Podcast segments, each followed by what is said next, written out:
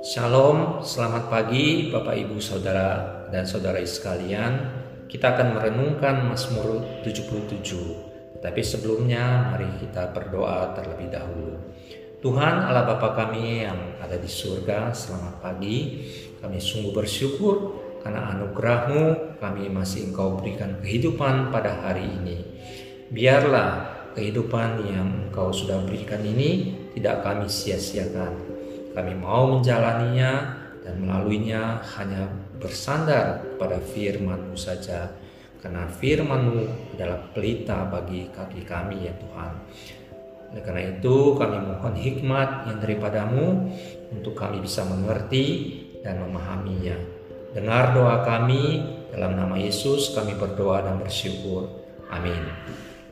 Bapak Ibu dan saudara-saudari sekalian, Mazmur 77 Eh, sebetulnya diberi judul penghiburan di waktu susah atau oleh seorang teolog yang bernama Alan Ross uh, dia mengatakan atau memberikan judul dengan uh, uh, judul penghiburan bagi jiwa yang susah. Dan Mazmur 77 ini sendiri sebetulnya terdiri dari dua bagian yaitu bagian yang pertama adalah dari ayat 1 sampai 9 yang merupakan keluh kesah dari pemazmur di mana pemazmur Asaf ini mengungkapkan keluh kesahnya, keluh kesah bangsa Israel. Dan bagian kedua adalah ayat 10 sampai 20 yang merupakan penghiburan di uh, pemazmur Asaf ini memberikan gambaran penghiburan kepada bangsa Israel yang ada di dalam penderitaan. Tetapi Lembaga Alkitab Indonesia sendiri memberikan judul Perbuatan Allah di Masa Lampau yang kalau kita simak memang pemazmur di dalam Mazmur 77 ini lebih banyak menceritakan akan perbuatan Allah di masa lampau.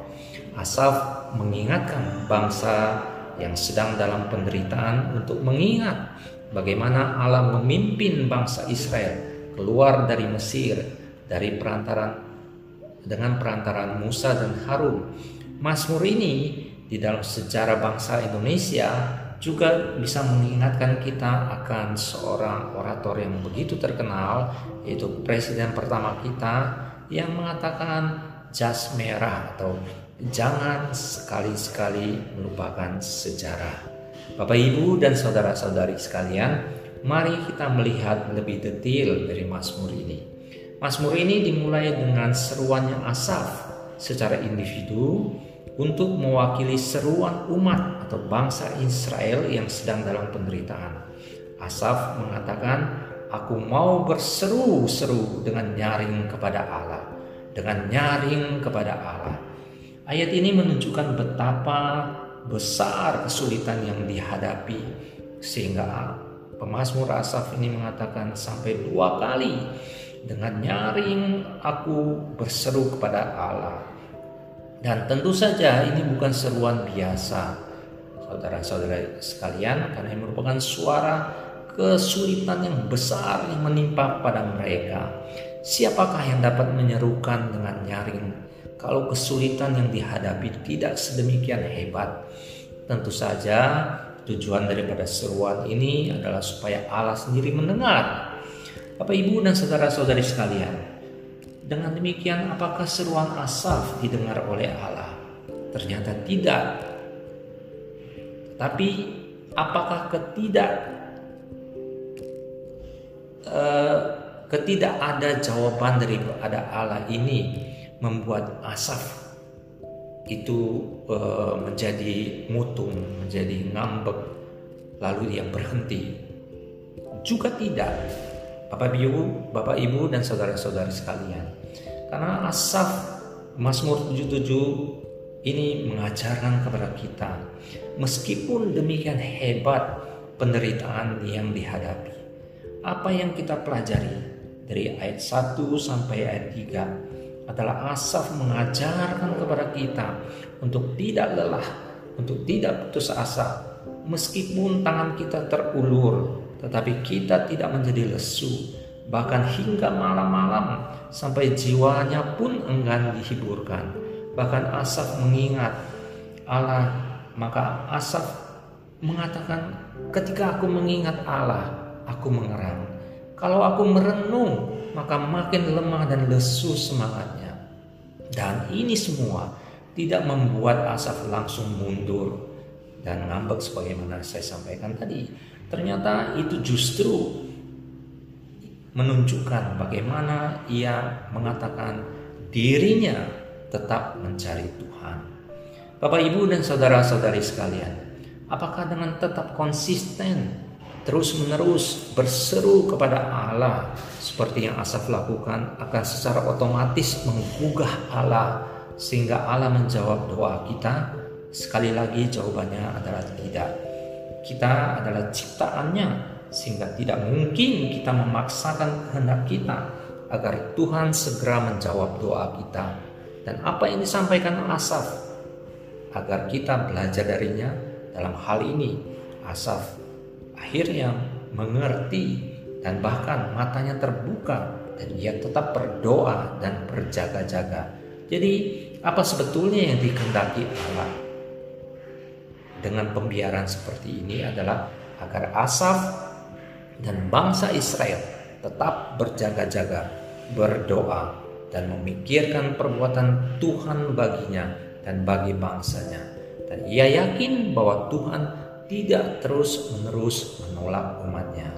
Bapak, Ibu, dan saudara-saudari sekalian, meskipun dalam ayat 8 sampai 10 kita dapat membaca di mana Asaf sebagai pemazmur mempertanyakan sudah lenyapkah untuk seterusnya kasih setianya sudah berakhirkah janji itu berlaku turun temurun sudah lupakah Allah menaruh kasihan atau ditutupnyakah rahmatnya karena murkanya tetapi Allah tetap tidak memberikan respons atas apa yang Asaf sampaikan atas keluhan ataupun pertanyaan yang Asaf ajukan.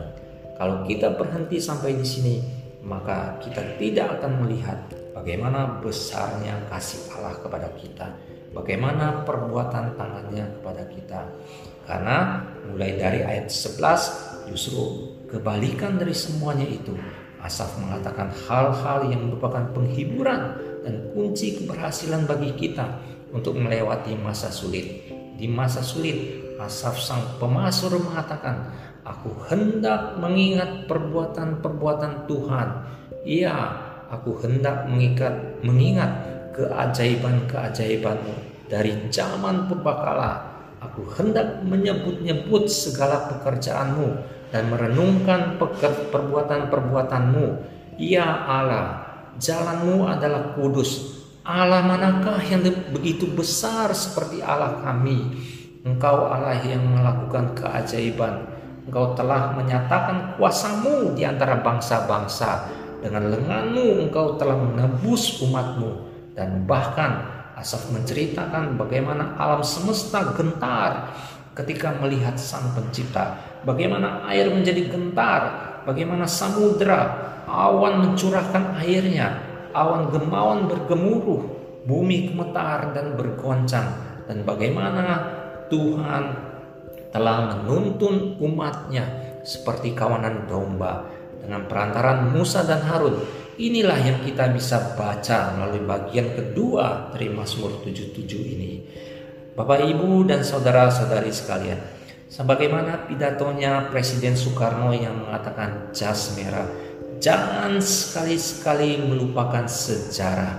Maka demikian juga kita sebagai umat Tuhan melalui Mazmur 77 ini kita diingatkan kembali jangan pernah sekali-sekali pun melupakan sejarah bagaimana pemeliharaan Tuhan, bagaimana perbuatan Tuhan kepada umatnya di masa lampau. Kita mungkin berdalih bahwa itu kan masa lampau, bagaimana dengan masa sekarang? Untuk apa mengingat yang lalu-lalu seperti lagu pop yang terkenal yang mengatakan kisera sera yang lalu biarlah berlalu. Bapak Ibu dan saudara-saudari sekalian, justru Mazmur 77 ini mengajarkan kita untuk terus bertindak seperti pemazmur Asaf ini yang tetap berseru kepada Allah siang dan malam meskipun berada dalam pergumulan yang berat, meskipun kita tidak dapat melihat pertolongan Tuhan dengan segera, tetapi ingatlah akan pertolongan Tuhan dan perbuatan tangan kasihnya pada masa lalu di sepanjang hidup kita. Jangan terpaku pada situasi sulit dan penderitaan yang kita alami, tapi datang dan berserulah sungguh-sungguh kepadanya. Allah tidak pernah berubah dari dahulu, sekarang sampai selama-lamanya. Ia tetap berkuasa. Dia adalah Allah pencipta langit dan bumi serta segala isinya. Diamnya Tuhan bukan tanpa alasan dan yang pasti akan membawa kebaikan. Allah sendiri memberikan suatu teladan yang luar biasa kepada kita.